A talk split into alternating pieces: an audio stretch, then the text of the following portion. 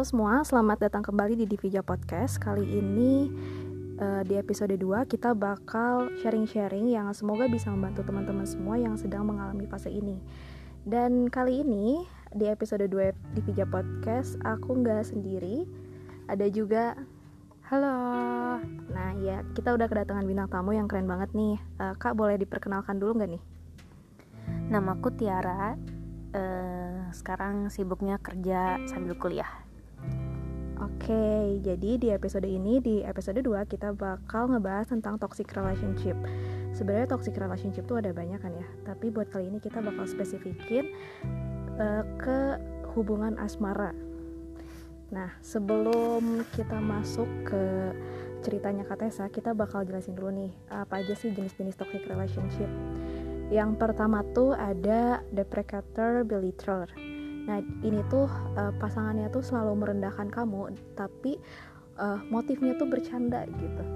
Nah, ini biasanya terjadi ketika kamu sama pasangan kamu ada di uh, uh, suasana atau uh, kondisi banyak orang dan ya dia mempermalukan kamu dan itu semua cuman bercanda. nah, kalau di tipe ini tuh dia juga bakal bertingkah as if you are lucky to have them gitu. Dia bakal bilang gak ada lagi yang mau sama kamu selain ke aku gitu. Jadi di situ juga dia bakal uh, menurunkan rasa percaya diri kamu yang bikin dia bisa ngontrol kamu. Kayak gitu. Selanjutnya ada juga bad temper. Nah kalau bad temper ini dia selalu menyalahkan segala sesuatunya kamu. Nah ini pun uh, posisinya terjadi saat pasangan kamu uh, marahnya di luar bukan sama kamu tapi dia akan meluapkan semuanya di kamu dan akan menyalahkan kamu seperti kayak kamu bikin dia marah. Itu semua salah kamu nah gitu. Selanjutnya ada juga guilt inducer nah ini tuh dia bertingkah as if support but sebenarnya eh, itu dia tuh pasif agresif juga ya. Nah ini tuh posisinya misal kayak gini.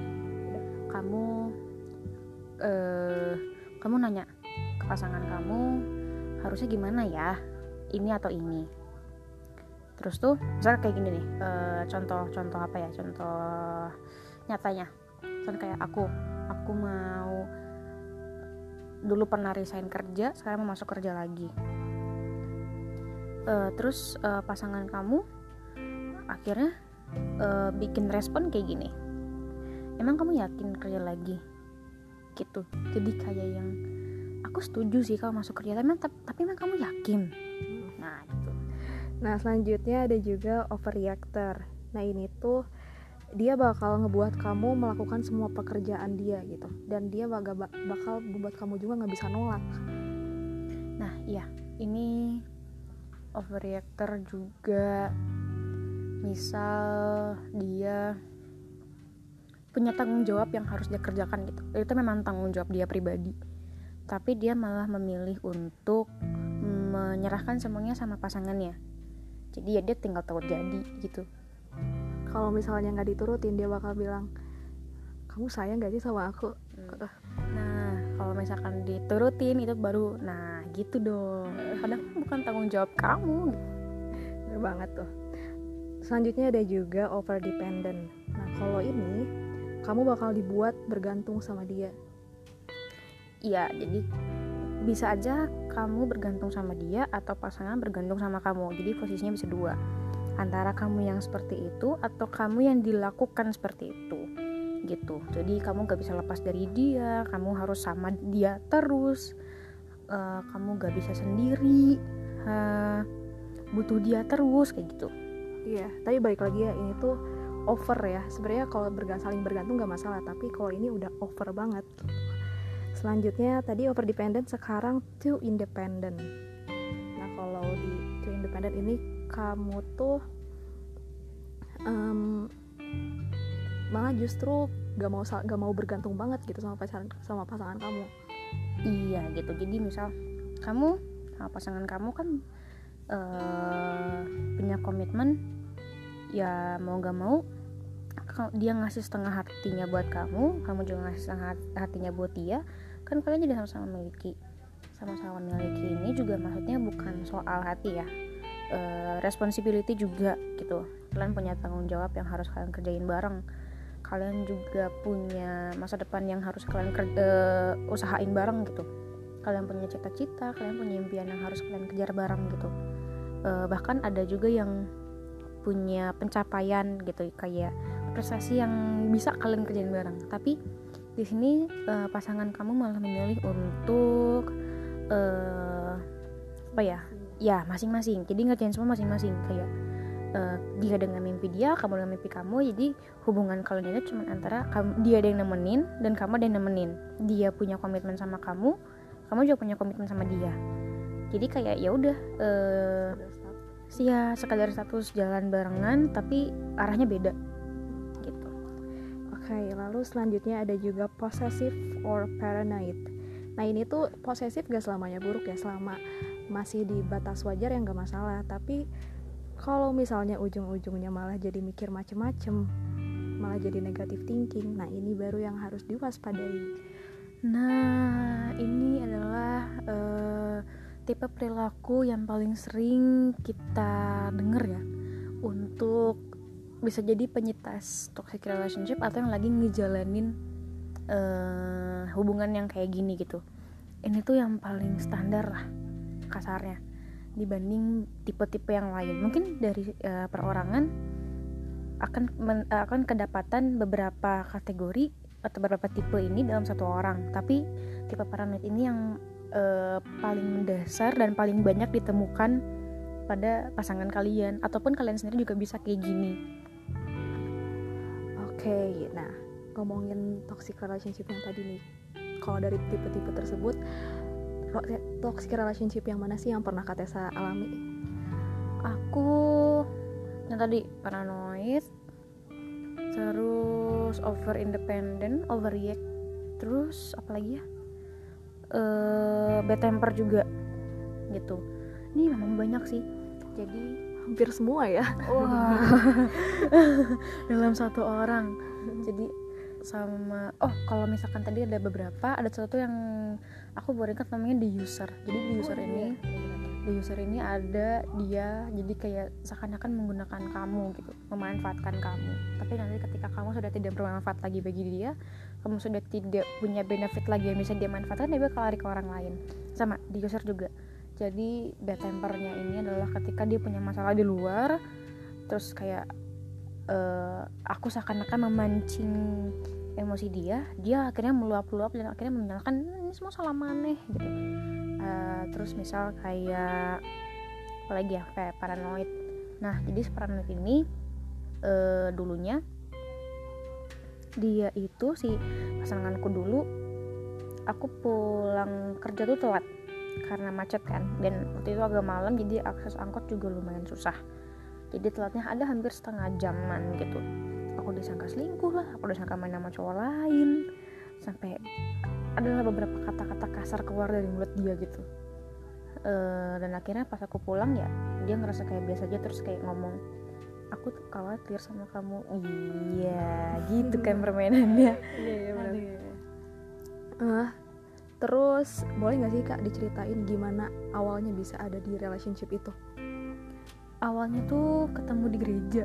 Nah ini disclaimer ya bukan jadi eh, ini tuh bukan eh, bukan jadi alasan kalian untuk ah uh, orang-orang yang kayak gitu orang-orang yang di gereja atau orang yang di masjid kah di mana kah? Kayaknya kayak gitu deh. Jadi kayak kalian memutuskan untuk mencari di luar. Enggak enggak ini disclaimer bukan ya.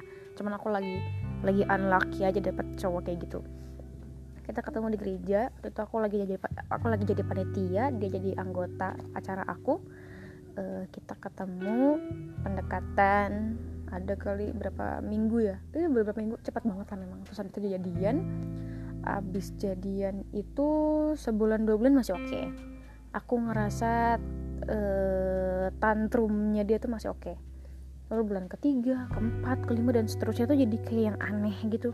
Kok dia jadi kayak merendahkan aku dia jadi kayak meragukan aku jadi kayak nggak percaya sampai akhirnya paling puncak tuh di mana aku sadar kalau aku tuh cuma jadi ATM dia ATM berjalan dia dan aku pernah ada uh, dalam abusive relationship gitu. Jadi kayak dia uh, ini melakukan kekerasan ke aku secara verbal maupun fisik.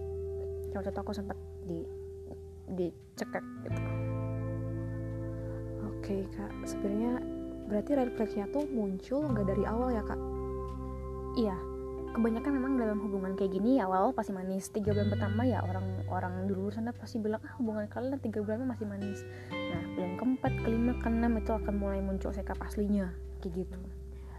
Nah sadarnya tuh bukan sadar sih uh, pertama kali muncul keanehannya tuh uh, langsung sadar gak sih kak? Enggak enggak. Dari uh, dari mulai muncul keanehan tuh aku cuman tahu oh ini aneh. Tapi aku nggak sadar cuman kayak yang lebih memaklumi ya. Itu mungkin bentuk sayang dia ke gue gitu. Iya iya iya gitu. Kan kalau tubuh kita kan secara biologis memang ini ya dia dari dosis pertama yang cuma 3 mg ke dosis kedua 5 mg dosis ketiga 8 mg jadi kan tubuh minta lagi minta lagi. Awal-awal sih kita masih kayak eh duh kayaknya agak aneh nih. Terus tubuh kita tuh jadi kayak memaklumi. Dan itu semakin besar semakin besar semakin besar semakin besar. Gitu.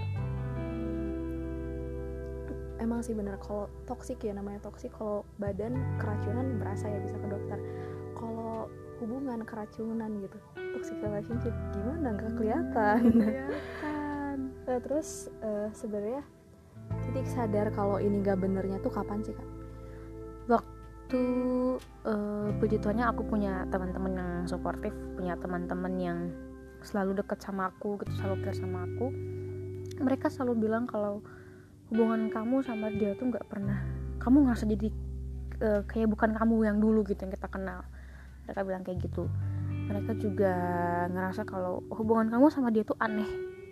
Kayak nggak sehat gitu. Jadi uh, mereka bilang kayak gitu aku juga jadi merefleksi kalau uh, hubungan aku ternyata tidak sehat. Jadi akhirnya dari situ mulai mulai ngeh. Nah, sebenarnya selama mengakhiri ada kendala gak sih? Ada lah ada ada banget. Udah pastilah. Uh, selama mengakhiri itu ada teror pastilah uh, teror misal kayak dia punya second account di Instagram dan akunnya anon ngefollow aku nge DM DM gitu. Terus misal padahal udah uh, saling ngeblok gitu. Ah, sebenarnya dia ngeblok sih aku nggak. Kayak ya udah dewasa aja gitu. Dia ngeblok tapi dia masih uh, ngepoin Instagram aku gitu ngepoin story terus dia bikin Twitter dan ngefollow aku. Bahkan dalam April kemarin tuh waktu aku ulang tahun April tahun ini April tahun ini dia, uh, aku ulang tahun dia adalah orang yang keberapa yang ngucapin ya? Padahal sebenarnya deep down aku tahu itu akun dia. Cuman uh, kayak yang ah ya udahlah ladenin aja. Cuman kayak aduh sampai sekarang masih masih dideketin juga gitu masih berusaha ngontak padahal kan kayak kita udah nggak ada apa-apa gitu. Aku udah sembuh dari dia dia juga udah punya cewek lain yang aku nggak tahu siapa gitu. Kayak ya udah berhentilah uh, mengurusi hidup aku gitu. Dengan berbagai akun-akun anon itu oke okay, selepas mutusin hubungan tersebut sempat gak yakin gak sih sama keputusannya? Iyalah udah pasti. Karena kan dia juga nurunin self esteem aku nurunin kepercayaan diri aku kalau aku bisa dapet orang yang lebih baik aku bisa dapet orang yang sayang sama aku apa adanya. Aku bisa dapat orang yang gak kayak dia gitu. Terus kayak ragu pengen balik lagi karena aku sempat kalut terus kayak kayaknya dia deh yang uh, cuma bisa terima aku gitu. Cuman balik lagi aku punya teman-teman yang suportif aku punya teman-teman yang selalu care sama aku dan mereka tetap terus gitu. Nggak eh, nggak uh, jemu-jemu menyadarkan aku hingga akhirnya aku mikir kalau nggak boleh mikir gitu lagi nggak boleh ragu harus putus apa ada dampak yang kamu alami setelah berada di hubungan tersebut? Dampaknya banyak banget. Misal kayak tadi kepercayaan diri yang turun, terus ngerasa nggak punya harga diri, terus uh, keadaan mental aku juga nggak stabil, gitu. Terus apa ya? Aku sempat konsultasi ke psikolog sih soal ini karena memang uh, dampaknya segitu besar ya. Dampaknya besar banget. Karena pacaran juga lama waktu itu. Jadinya kan maksudnya itu adalah luka yang terus ada e, berhari-hari berbulan-bulan gitu. Jadinya memang susah untuk sembuh gitu. Ada luka baru. Terus jadi punya self defense kalau ada cowok yang modelnya kayak dia tuh jadi kayak takut. Terus bisa-bisa tiba-tiba tremor. Dulu tuh pernah aku ketemu orang yang mirip dia di um, uh, sebuah inilah toko serba. Ya sebuah toko serba ada. Aku ketemu orang yang mirip dia tuh aku tiba-tiba lari ketakutan dan tanganku gemeteran. Jadi kayak memang se ngeri itu dampaknya. Oke sebenarnya tadi udah ya dampak negatif udah banyak banget bos. Ada nggak sih dampak positif positifnya juga nggak kalah banyak. Uh, positif, positifnya adalah ya uh, aku jadi apa ya jadi lebih meng mengenal diri sendiri aku butuhnya apa aku kurangnya apa aku bisa apa jadi apa ya jadi mengenal diri sendiri lebih lagi lebih lagi lebih lagi. Terus jadi tahu apa yang uh, jadi kebutuhan dan keinginan diri sendiri karena waktu dulu masih pacaran sama dia kan uh, semua jadi punya dia gitu. Semua ber, berpusat sama dia. Kayak dunia itu berputar cuman buat dia. Kalau sekarang kan nggak dunia berputar buat semua orang. Dan termasuk aku juga gitu. Jadi ya aku mulai bisa uh, apa ya mulai bisa punya uh, self space lah gitu. Mulai bisa punya ruang untuk diri sendiri gitu. Oke. okay. Nah kak ada pesan-pesan gak sih untuk orang-orang yang sedang ataupun sudah melalui fase ini? Uh, pertama dan terakhir alpha dan omeganya adalah keluar sih gitu. E, cara untuk keluarnya macem-macem itu tergantung gimana kamu. Tapi satu hal yang pasti cara keluar yang paling cepat adalah dengan benar-benar memutus rantai apa ya rantai silaturahmi kalian lah. Jadi kayak misal uh, ngelihat pasangan kamu udah mulai aneh udah mulai main tangan. Kalau mau bilang putus putus saat itu. Jangan habis putus balik lagi. Baikan lagi balikan lagi. Itu tuh nggak akan putus rantainya. Jadi lebih baik ketika kamu benar-benar menyadari kalau hubungan kamu udah nggak sehat hubungan kamu udah gak wajar putusin saat itu. Terus uh, ya habis itu cari pertolongan juga. Mau sama temen mau sama uh, keluarga mau sama ini keluarga mungkin nggak semua bakal terima ya gitu. Ya carilah pertolongan yang akan benar-benar menolong kamu gitu.